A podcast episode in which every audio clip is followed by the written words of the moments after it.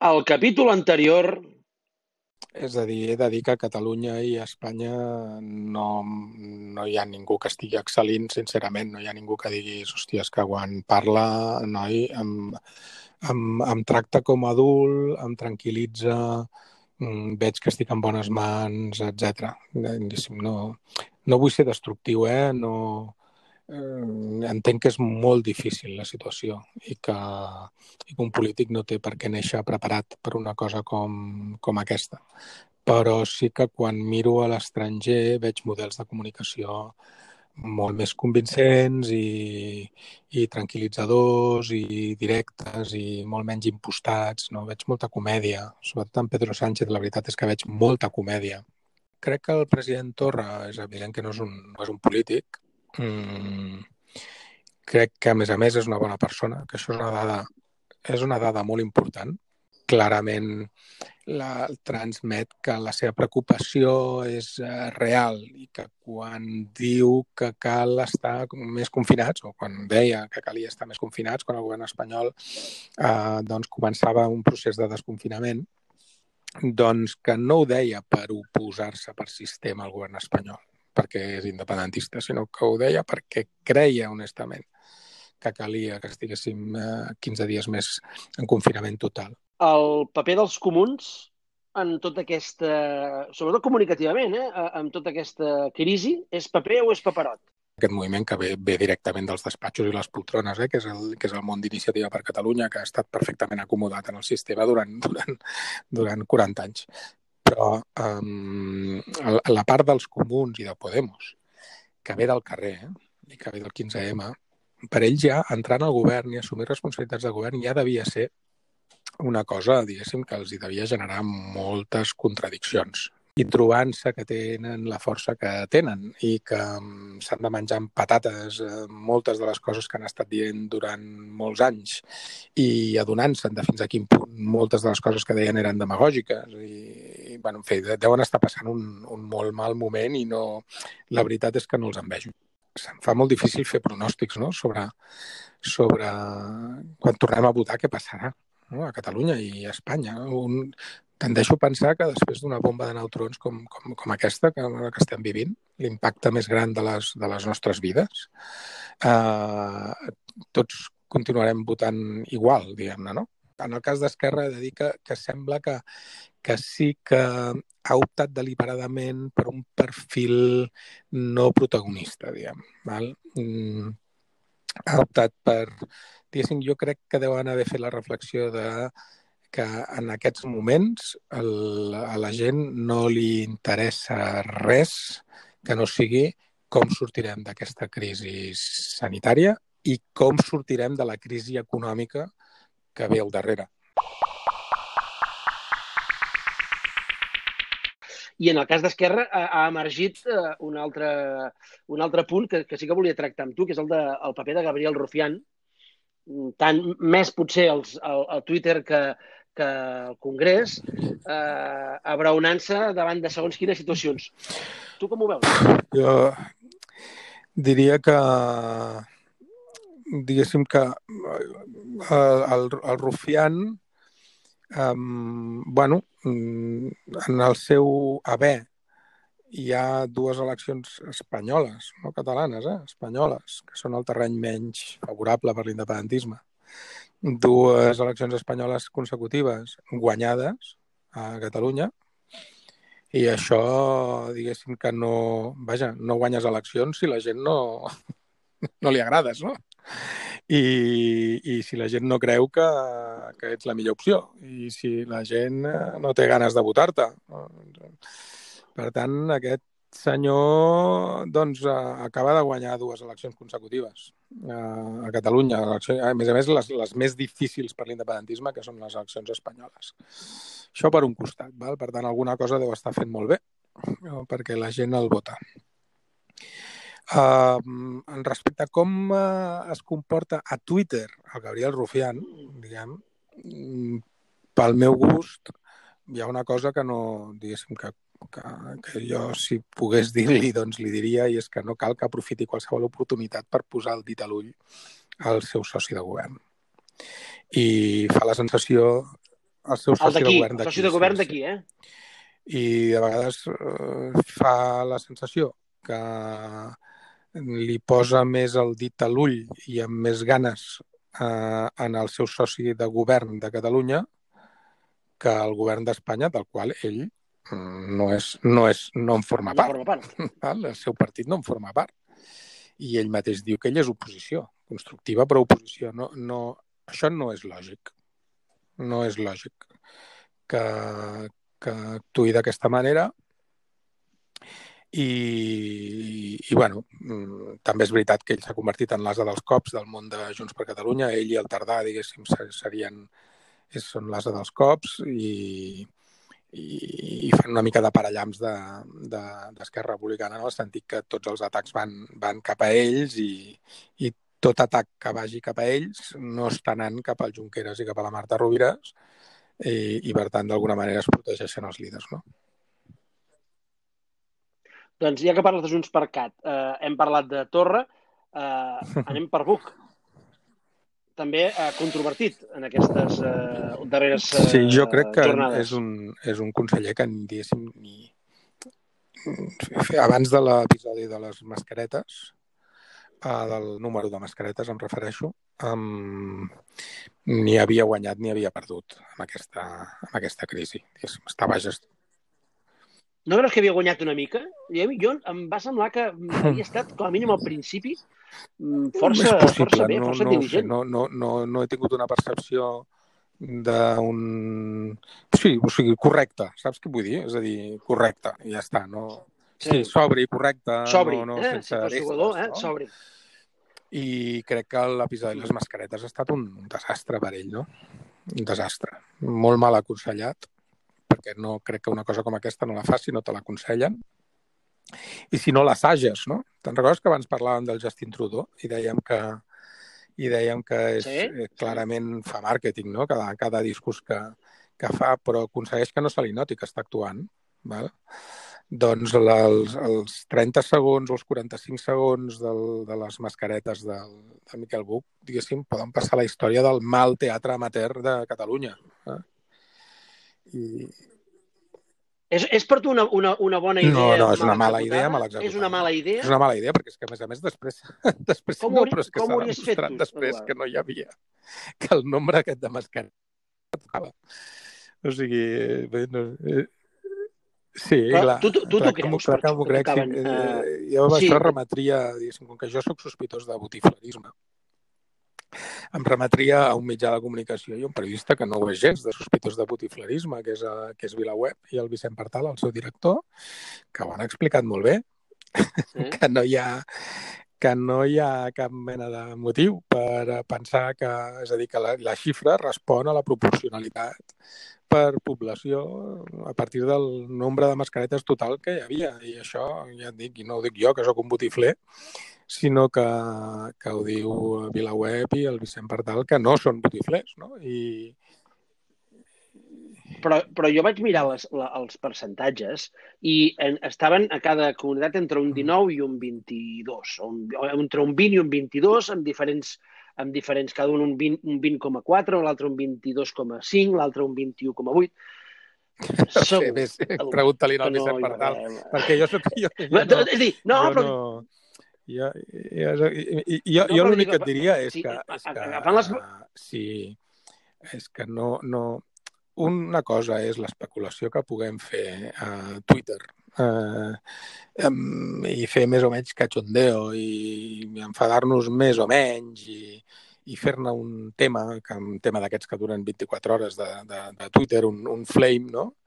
I l'altra cosa és un faristol eh, en roda de premsa amb el logo de la Generalitat de Catalunya, que és el govern de Catalunya, eh, i un conseller d'Interior.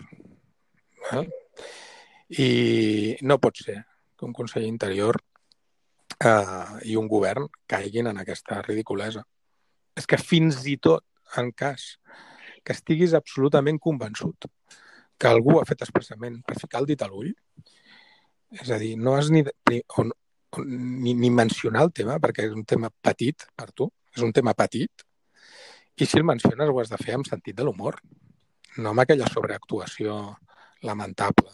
De, i, si, I la pròxima, el 1939, i no els ho permetrem. Què vol dir que no els ho permetrem? Què vol dir no els ho permetrem? Sí, perquè de moment, de moment no estem permetent I més el tot, eh? Perquè no ens, no ens en queda que un és altre. el que envia els Mossos a, a reprimir a Urquinaona, saps què vull dir? O sigui, que, que és que, a més a més, no, no pot no fer-ho, ho ha de fer. O sigui, si algú no pot dir no els ho permetrem, és el conseller Interior, que és, diguéssim, de... El ho sap, que, no, que, els hi bueno, permetrem, en fi, no? ja Diguéssim. Mm, Digues. Eduard, escolta'm, abans parlàvem del paperot de- d'Ada Colau, eh, Mm. Partit dels Socialistes de Catalunya, eh, Déu-n'hi El... Déu eh? Bueno, el, el PSC és més que mai, segurament en la seva història, uh, el, una sucursal del PSOE a Catalunya. El PSC ha tingut moments, ha tingut moments en la seva relació amb el PSOE i en la seva relació amb, el, amb la realitat nacional de Catalunya i ha tingut moments en el seu en la seva autonomia i probablement passa pel moment més baix en, en la seva relació amb, amb, la, amb la realitat nacional i en la seva relació amb la seva pròpia autonomia. Mm. Una sucursal del PSOE. I jo crec que en Miquel Iceta sap perfectament, perquè és un tio molt intel·ligent que està gestionant això, que això és el que li toca gestionar, és una, una sucursal del PSOE a Catalunya. Aquest és el moment històric per ells, perquè, el, diguéssim, la, la part del partit que, que sempre havia vist Catalunya com, un, com una nació i que, a més a més, intentava actuar en conseqüència, doncs eh, li ha marxat, ja no hi és. Majoritàriament li ha marxat Esquerra Republicana, tot i que també hi ha elements a, a Junts per Catalunya, no? com el Ferran Mascarell o la Marina Geli, i el PSC s'ha quedat amb el que s'ha quedat, i a més a més eh, amb un partit que és Ciutadans que li ha fet la competència electoralment en el seu jardí, que és l'àrea metropolitana de Barcelona i, i de Tarragona. Allò és el seu jardí i el seu jardí ha sigut atacat mm, per un partit que està més a la dreta i, i en l'ús social i més a la dreta en l'ús nacional, que Ciutadans, no?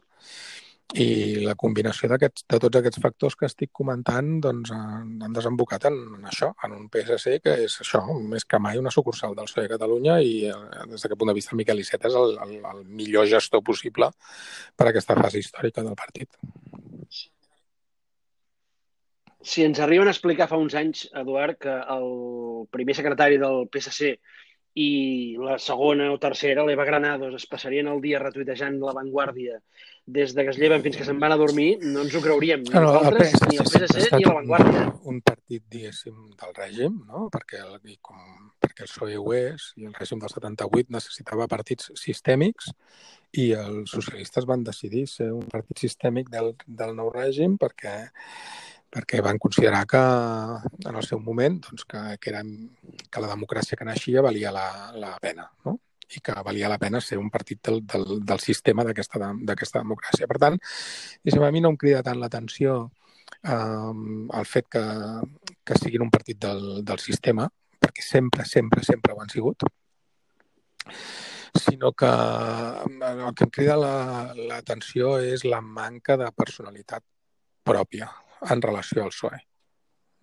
Crec, com dic, crec que això passa pel moment més baix de la seva de la història del PSC. No, no, és, és indistingible. Fa molt, fa anys, des que Miquel Iceta dirigeix el partit, que no som capaços els ciutadans de veure ni un sol tema en el que hi hagi ni un sol matís entre el PSC i el PSOE. Mm. Però arribats a aquest punt, Eduard, això ja no els hi crearà, ja no els hi crearà desgast ni, ni fugir de més de vots, perquè ara eh, un ja imagina que el qui va votar el PSC eh, a Catalunya eh, sí, està votant i, a, i no només, no només ja no perdrà més vots per aquest motiu, sinó Està que probablement en recuperarà perquè una part dels vots que ha perdut eh, en l'últim cicle electoral va perdre cap a Ciutadans, doncs els, els recuperarà. Mm? Perquè Ciutadans està en fallida, no? I, per tant, és previsible que en les pròximes eleccions al Parlament de Catalunya el PSC guanyi vots en relació a les últimes. Que va tenir molt poquets, eh? Però, però que en guanyi. i, i ja està. El que passa és que el PSC s'està condemnant ell mateix a no formar part del govern de Catalunya amb, amb aquesta política, no? perquè només el PSC era un partit que te'l podies imaginar combinant amb, amb molts partits, diguéssim, per fer govern. Val? Eh, perquè tenia frontera eh, no només electoral, sinó cultural amb, amb molts partits. Fins i tot amb Convergència. Tenia frontera en el seu moment i tenia frontera cultural, eh? Uh, i de cultura de la cultura de la transició, cultura de l'antifranquisme, cultura de la construcció de la democràcia, cultura, cultura del catalanisme, cultura de l'autogovern. Mm, ara ja no. És un partit que s'ha llançat en mans de l'espanyolisme més recalcitrant, que només es manifesta al carrer amb l'espanyolisme més recalcitrant, que, i que ja només te l'imagines combinant eh, i fent, en governs amb l'espanyolisme més recalcitrant i, i per tant que s'ha tallat, eh, s'ha disparat uns quants trets al peu des d'aquest punt de vista. El PSC ja només pot governar Catalunya si Catalunya la gent decideix votar l'espanyolisme més recalcitrant i jo crec que això és, no és bo per ells. I ja per tancar aquest tema, perquè eh, ja que et tinc aquí, Home, eh, no puc deixar marxar sense, sense parlar del Barça, eh, però per, abans d'entrar en el Barça, en el tema, sí. en el context eh, independència, mm, en principi, mm, aquesta pandèmia eh, els hi pesi o no bueno, molts. No sé, eh? jo la, la... tinc una gran curiositat per veure com sortim la gent. O sigui, ara estem, eh, estem en una mena d'empat eh, des de fa uns quan, unes quantes convocatòries electorals, no? eh, en què hi ha aproximadament un 50% de la gent que vota sempre a favor de la independència i un 50% de la gent que vota sempre per partits que estan en contra de la independència. I aquí incloc els comuns, eh? Els comuns estan en contra de la independència. No, està. I no passa res per dir-ho i, i, i, i ja està. Val? I per tant estem en un, en un, en empat 50-50 i llavors a mi em costa molt de creure que amb una amb, amb tot el que està, ens està passant, que això no modifiqui les prioritats de la gent d'alguna manera, no sé en quina direcció. L'empat pugui ser a favor de, de l'independentisme, per exemple, això que dius, no? la constatació que els països petits ho han fet molt millor, uh, la constatació que el govern espanyol, a nivell de mesures, ha anat a remolc del que proposava sempre el govern de la Generalitat i ha acabat assumint sempre les tesis del govern, de, del govern independentista de la Generalitat. I, per exemple, ara, darrerament, amb el tema del desconfinament eh, territorial eh, per territoris. Després, la crisi econòmica que ens ve a sobre doncs farà molt més evident que Catalunya té les mans lligades, les dues mans lligades a l'esquena, perquè no és mestressa dels seus recursos i no viu dels seus, no, no pot viure del seu esforç. És a dir, podria fer una llista de 25 motius pels quals el desempat podria caure a favor de, de, de l'independentisme, no? Però també podria fer una llista de 25 motius i sobretot un de molt gros, que és, eh, que és que la gent pugui pensar que, que no és moment per aventures i que l'independentisme sigui considerat una aventura, diguem-ne. No? i, i que és moment per ser més conservadors. Aleshores, doncs, no sé, no sé. Mm, igual, o sigui, a mi el que em sorprendria és que continuéssim amb l'empat 50-50 en el pròxim cicle electoral. Honestament, em sorprendria.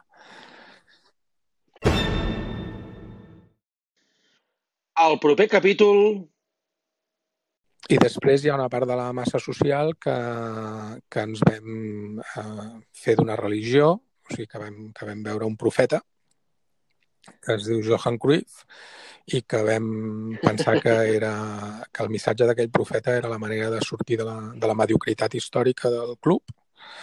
I veus, per exemple, si, si un nunyista et sent parlar de la mediocritat històrica del club, et diu que ets antibarcelonista. Només aprofundint en la filosofia pròpia, eh, el Barça pot eh, continuar en el top 10 mundial i modernitzant descaradament tota l'estructura del club i l'estructura d'ingressos del, del, del club. No? Uh, si no, serem irrellevants. i de moment ens aguantem per Messi. Que hi ha una part del club que és així, que és, que és venjativa i que, i que vol fer mal i que ha volgut fer mal per, per enveja, per ràbia, pel que sigui, a, a un president que és el Jan Laporta i a uns directius que eren els seus directius que ens van portar que ens van portar al, al millor moment de la història del Barça. El Víctor Font té un projecte, té un projecte sòlid, crec que s'ha de deixar que, que, que sigui ell el candidat d'aquesta manera de pensar, d'aquesta cultura de club, i, i jo el, el, vaja, el primer que faria si fos el Víctor Font l'endemà de ser president és, és, és fitxar el Jan Laborta per representar el Barça a la UEFA, a la FIFA.